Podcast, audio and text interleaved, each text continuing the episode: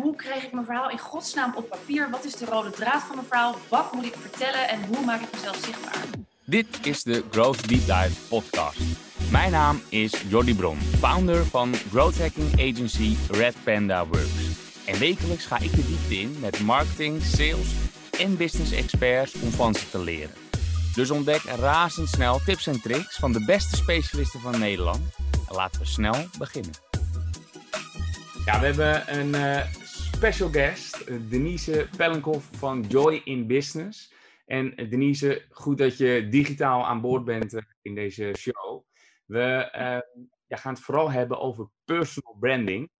Voordat je oh. uitlegt wie je bent, wat je doet en hoe je dan te werk gaat. We ontkomen er niet aan, de corona-vraag. Hoe ben je tot nu toe corona doorgekomen? Ja, heel goed. Ehm, natuurlijk helemaal in het begin in maart, hè, toen het uitbrak, uh, kreeg ik het even warm, denk ik, net als iedereen in de wereld. Want uh, klanten hadden zoiets van, nou, weet je, we leggen even alles stil. Er was veel angst en onzekerheid. Ze wisten niet zo goed wat er ging gebeuren. Ja. Maar iedereen realiseert zich nu, het is opvallen of onzichtbaar zijn. Dus als je nu niet investeert in, in je online zichtbaarheid, dan, ja, dan kom je niet meer in contact met je doelgroep. Dus ik heb het extreem druk, gek genoeg. Ja. Maar daar ben ik heel blij mee. Ja. Nice. En dan nu de vraag over jou. Waar ben je zo druk mee? Wat, wat is je business? Leg ons even kort uit wat je doet. Uh, nou, ik help enerzijds bedrijven met hun corporate story, hun merkverhaal, zeg maar. Hoe geef je die nu vorm? En hoe maak je van je medewerkers ambassadeurs? Dus ik help bedrijven met corporate uh, story maken en employee advocacy. En aan de andere kant help ik professionals en ondernemers met hun personal branding, dus echt op persoonsniveau. En in de, ja, in de ideale wereld koppel ik die aan elkaar, corporate story met de personal story, zodat het klopt eigenlijk voor iedereen. Ja, en dat betekent ook dat de vaak een, een CEO. Is dat jouw, jouw klant? Meestal een CEO of directeur? Ja, ja, meestal wel. Het is ofwel een directeur van een uh, bedrijf van, nou ja, laten we zeggen 80 uh, eh, medewerkers, ofwel een commercieel directeur of een com communicatiemanager of een uh, projectmanager. Dus inderdaad wel op dat niveau. Ja, ja nou vrij specifiek zei je 80, 80 werknemers. Is, ja. dat dat je niet voor corporates werkt en ook niet voor echt start-ups en, en starters? Nou ja, toevallig omdat ik net een klant in mijn hoofd had hoor. Want dat is een installatietechnisch bedrijf met rond 80 medewerkers. Um, waar ze dan één iemand in dienst hebben die bijvoorbeeld de marketing doet, maar die kan wel wat hulp gebruiken. Maar het afgelopen jaar heb ik ook bijvoorbeeld een ING geholpen bij de afdeling over innovatie, waar ze meer innovaties naar buiten wilden laten zien. Ja. Uh, maar ik heb ook eenmanszaken die zeggen van ja, ik, ik heb een idee in mijn hoofd ik wil voor mezelf beginnen. Maar hoe krijg ik mijn verhaal in godsnaam op papier? Wat is de rode draad van mijn verhaal? Wat moet ik vertellen en hoe maak ik mezelf zichtbaar? Juist. Dus het is eigenlijk van klein tot heel groot. Ja, toch wel. Oké, dus inderdaad van, van, klein tot groot. En dan is dus een, een voornamelijke vraag van we willen de personal brand gaan inzetten uiteindelijk natuurlijk wel met een bedrijfsdoel. Het bedrijf moet er uh, beter door naar voren komen. Ja, Of zijn het ook wel eens echt consumenten, uh, als het ware, zonder dat ze echt een bedrijfsdoel hebben? Die gewoon zeggen, eh, los van of het positief impact op het bedrijf, ik wil gewoon mezelf bekender maken. Ja, beide eigenlijk. Want enerzijds realiseren bedrijven zich wel dat algoritmen heel erg zijn gestoeld op menselijke verhalen. Hè? Dus, uh, en corporate accounts zijn gewoon onpersoonlijk en saai. En niemand wil een corporate account volgen, want je doet zaken met mensen. Uh, ik geloof er ook niet in dat communicatie, zeg maar, de boodschap bepaalt en uitdraagt. Maar dat ze de switch moet maken naar het faciliteren en motiveren van de mensen. Alleen als jij van je medewerkers ambassadeurs wil maken, en je zegt, yo, wil jij onze ambassadeur worden? Dan zegt die medewerker, waarom zou ik? En uh, vaak is het ook een beetje onzekerheid, want ze hebben zoiets van, ja, wat heb ik nou te vertellen? En uh, wie zit er nou op te wachten? Dus ze hebben echt begeleiding nodig. Ja. Um, maar er zijn inderdaad ook managers die zeggen van, ja, ik ben goed in mijn werk, maar die hele boot van online zichtbaarheid heb ik gemist. Terwijl ik wil wel mijn visie uitdragen en die thought leadership claimen. Um, dus die vraag heb ik natuurlijk ook vaak.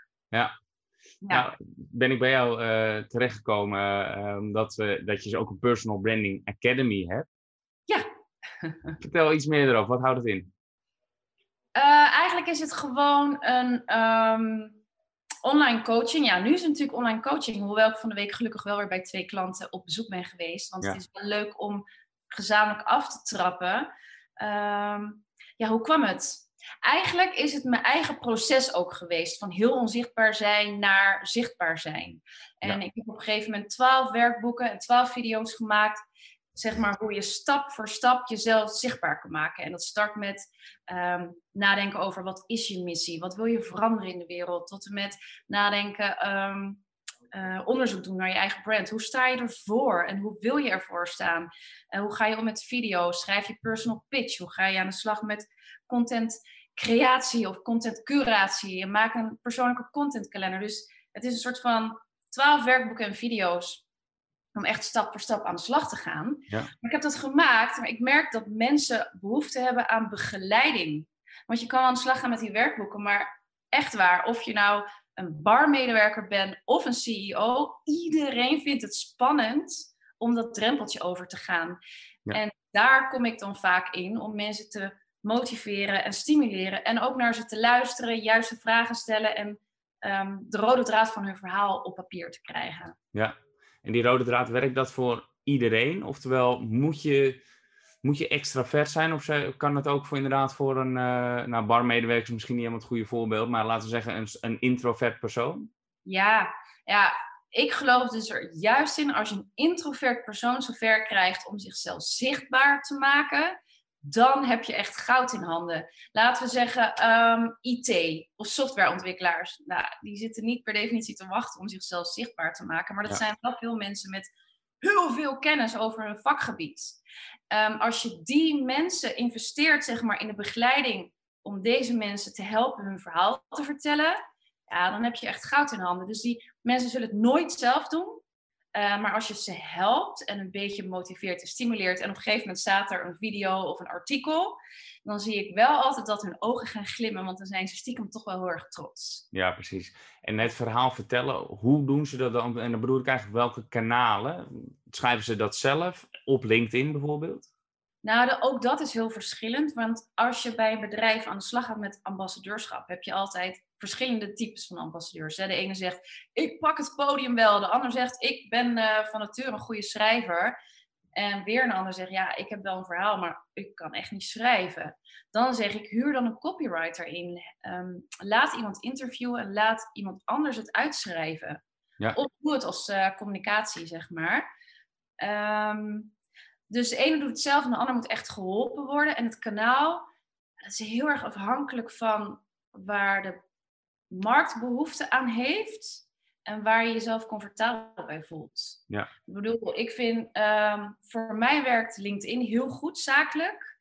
Gewoon voor de corporates en de grote bedrijven. En Instagram helpt voor mij weer heel erg om die ondernemers aan te binden. Mm -hmm. uh, en YouTube voor jouzelf, je eigen, je eigen Instagram-account.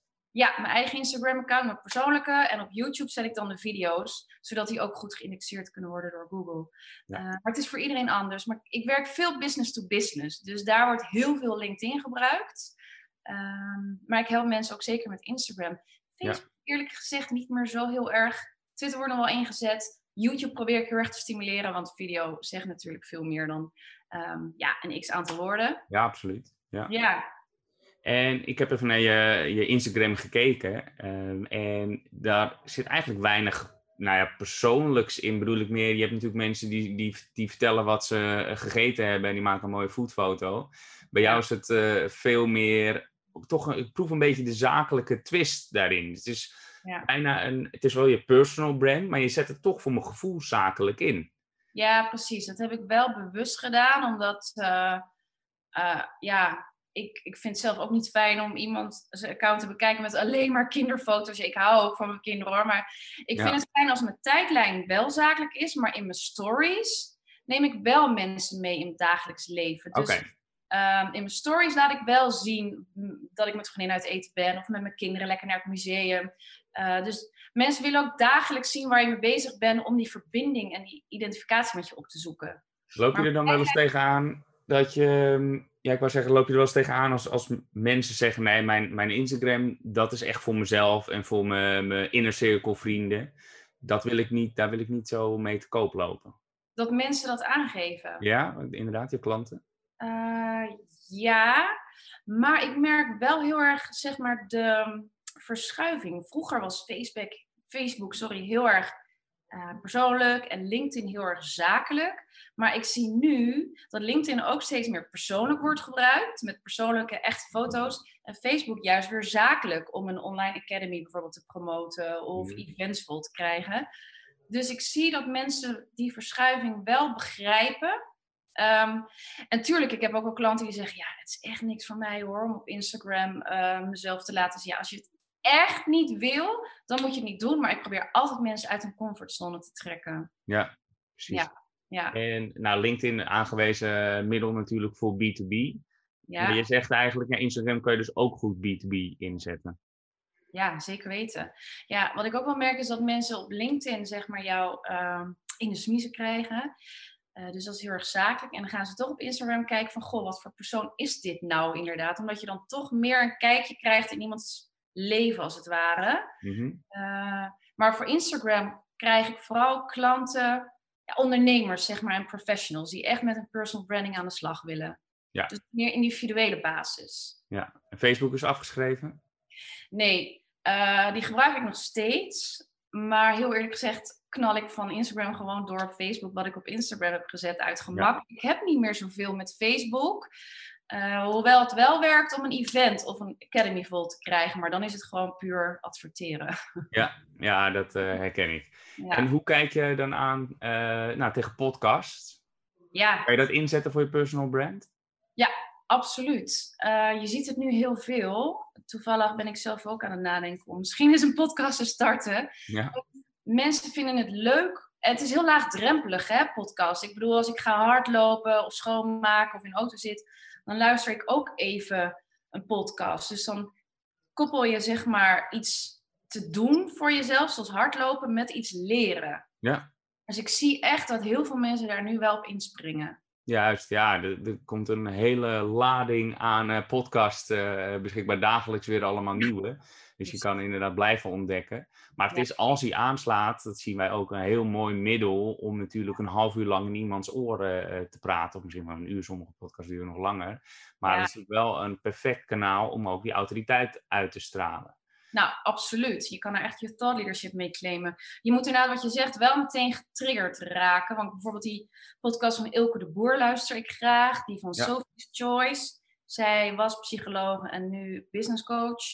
Uh, maar bijvoorbeeld ook de Super Soul Sessions van Oprah Winfrey met Eckhart Tolle over de nieuwe aarde. Ja, ik kan dat zo'n boek lezen, maar ik kan ook gewoon horen waar het boek over gaat. ja, ja ik word er wel blij van. Ja, en hoe promoot je dan weer? Is er eigenlijk een link, is eigenlijk meer de vraag. Dat, dus stel, oké, je, je hebt je podcast uh, opnames en daar ga je mee aan de slag. Ja. In hoeverre mag je dan ook weer die content promoten op je andere kanalen? En hoe voorkom je dat het overkill wordt? Mm, nou, waarom niet? Ik bedoel, als jij op je Instagram zeg maar een linktree aanmaakt. Als, kijk, mensen gaan je volgen een tijd lang, hè? En dan willen ze meer van je weten. En ze hebben meerdere contactmomenten nodig. En dan gaan ze je wel of niet leuk vinden. En als ze je leuk vinden, dan gaan ze natuurlijk kijken van... Goh, wat heeft deze dame of heer te bieden. En als je dan in je Linktree een aantal linkjes hebt van e-book, mijn podcast, mijn academy, uh, dan kunnen ze zelf kiezen waar ze naar willen luisteren of kijken. Want de ene luistert graag, de ander kijkt graag, de ander leest graag. Dus ik vind het ook wel weer fijn om juist die balans te hebben tussen artikelen schrijven, een podcast opnemen en een video. Ja, precies. Daar de en balans. Uiteindelijk is het denk ik ook als mensen jou gaan googlen. Want ik krijg wel eens te horen van jeetje, als ik jouw naam google, dan echt serieus zoveel zoekresultaten, video's, foto's, artikelen, niet normaal. Ja, ja maar goed, je kan er wel van heen. ja. ja. dus inderdaad het uh, op meerdere kanalen vervolgens promoten. Is het nou zo dat het al bijna onmogelijk is om te veel, zeg maar, te aanwezig te zijn, omdat het LinkedIn-algoritme of het Instagram-algoritme wel voorkomt dat het te veel wordt? Nee, ik geloof niet in te veel. Ik geloof juist in oncomfortabel veel posten. Want ik heb wel eens klanten en die vinden bijvoorbeeld uh, één keer in de week posten al heel spannend. Die gaan dan bijvoorbeeld naar één keer in de twee weken. Maar het is niet zo dat als jij iets post, dat iedereen dat ziet natuurlijk op dat moment. Ja. Dus je moet juist een bepaalde post vaker laten zien om meer mensen te bereiken. Ja. Um, En sterker nog, ik hou ook heel erg van content hergebruiken. Benader het elke keer vanuit een ander stukje, maar link wel elke keer naar hetzelfde artikel. Ja. Um, want grappig is dus, ik heb ook wel eens van die weken dat ik denk, holy moly, worden die mensen niet gek van me? Dan ben ik echt waanzinnig aanwezig. Maar dan krijg ik leuke reacties en meer mm, volgers en connecties. En als ik dan een paar weken gewoon even geen zin in heb, dan daalt het ook meteen weer gek. Ja. Dus mensen vinden het ook leuk. Ja, en inderdaad, dan nog toch even bij het algoritme uh, blijven. Laten we LinkedIn even aanhouden. Heb je tricks of handigheden gevonden waarvan je zegt, nou, dat is echt goed. Los van de content, wat natuurlijk het allerbelangrijkste is. Maar als je post, denk dan hieraan. Uh, nou, wat mensen willen is, mensen houden van persoonlijke foto's, hè? geen gelikte stokfotografie. Uh, maar mensen willen ook van jou horen, wat is jouw persoonlijke visie, jouw mening, jouw inzicht, jouw tip. Dus uh, maak het relevant um, en geef mensen iets mee waar ze van kunnen leren vanuit jouw persoonlijkheid. En dat vinden mensen heel gaaf. En tegelijkertijd, klinkt misschien heel suf, maar het is natuurlijk een energetisch platform. Hè? alles energie, wat je erin stopt, krijg je ook weer terug. Dus ik geloof er niet in dat je alleen maar moet zenden. Je moet soms ook gewoon naar LinkedIn gaan om te brengen. Ik ga dan bewust uh, reageren op posts van klanten of mensen. Of ik ga mensen aan elkaar linken. Of ik ga iets resharen. Mensen voelen het ook als je alleen maar komt halen. Dus je moet ook brengen, heel bewust. Precies, ja. En toch uh, helemaal mee eens. Dan, uh, dat is natuurlijk ook lastig, omdat het allemaal veel tijd kost. Ja. Als je er nou zelf mee aan de slag gaat, waar moet je aan denken? Hoeveel uur per week, per maand moet je reserveren?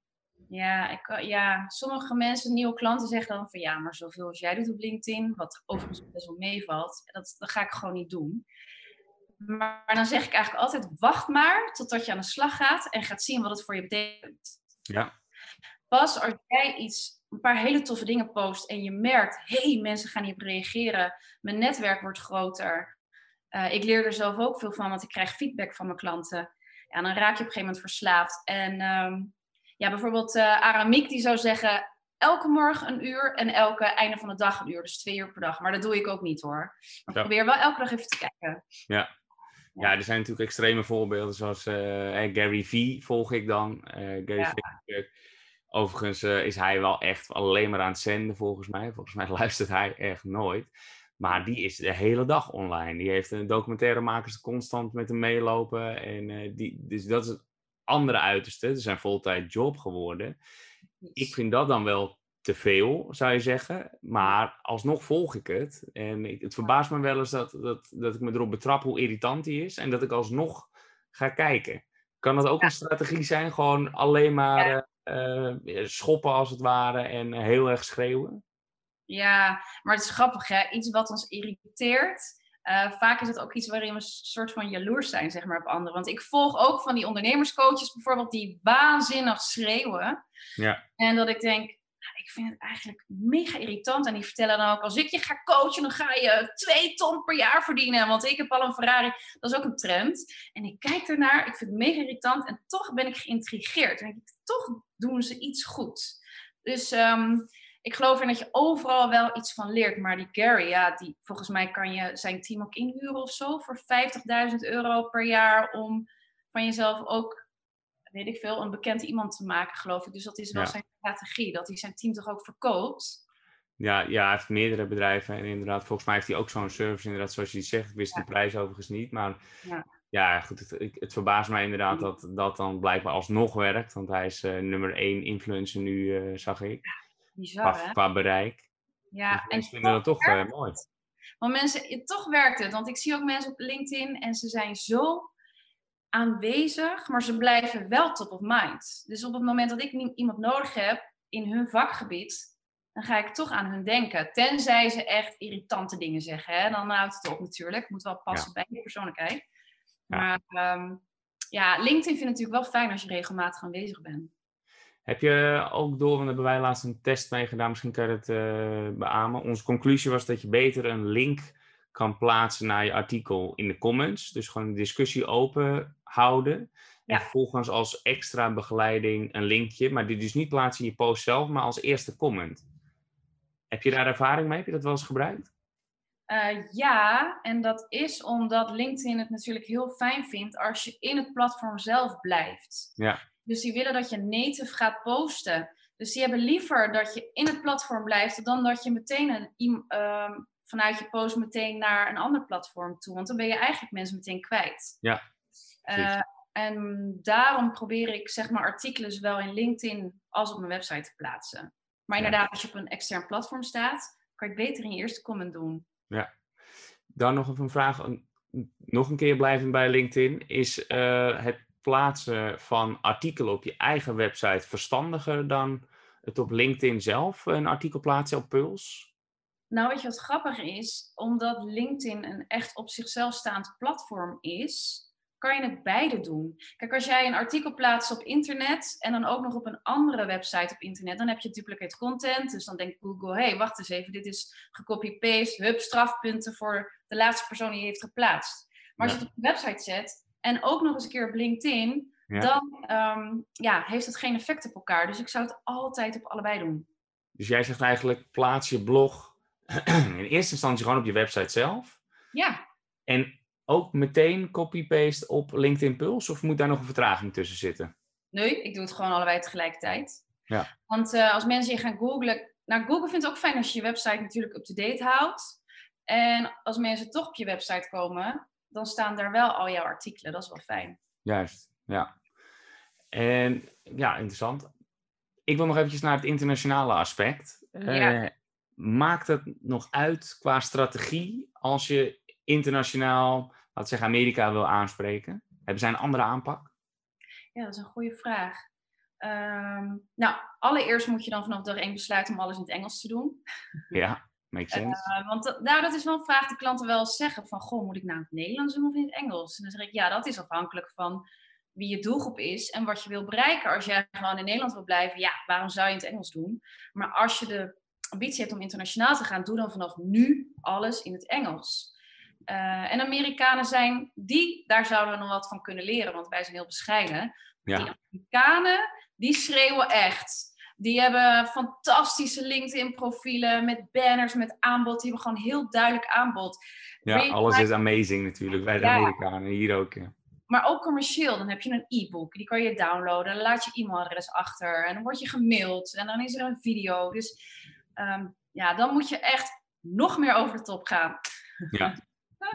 Voor Amerika dan, hè? Scandinavië is bijvoorbeeld weer wat integener. Die zijn wat meer zoals wij. Ja, oké. Okay. Dus oftewel, een beetje afhankelijk van het land en je doel daarmee, moet je ook ja. je tone of voice en misschien ook zelfs frequentie aanpassen. Ja, vind ik wel. Want in, Scandinav in Scandinavië lijken ze wat meer op ons. Ja. Uh, hoewel ze qua techniek natuurlijk vaak wel verder zijn.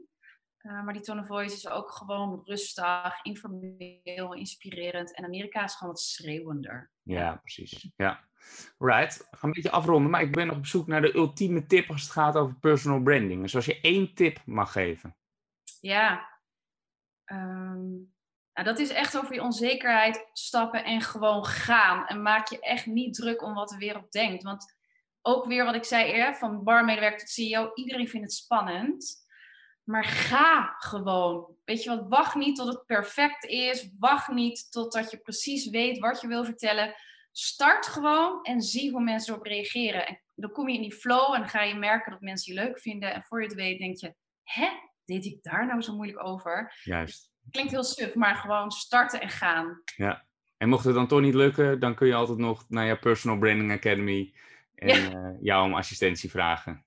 Ja, precies. Ja, die Personal Branding Academy is een uh, coaching van een half jaar met een aantal online sessies en werkboeken, zodat je echt stap voor stap gewoon lekker aan je personal brand gaat werken, zodat mensen niet meer om je heen kunnen. Ja, en dat kun je allemaal vinden op joyinbusiness.nl?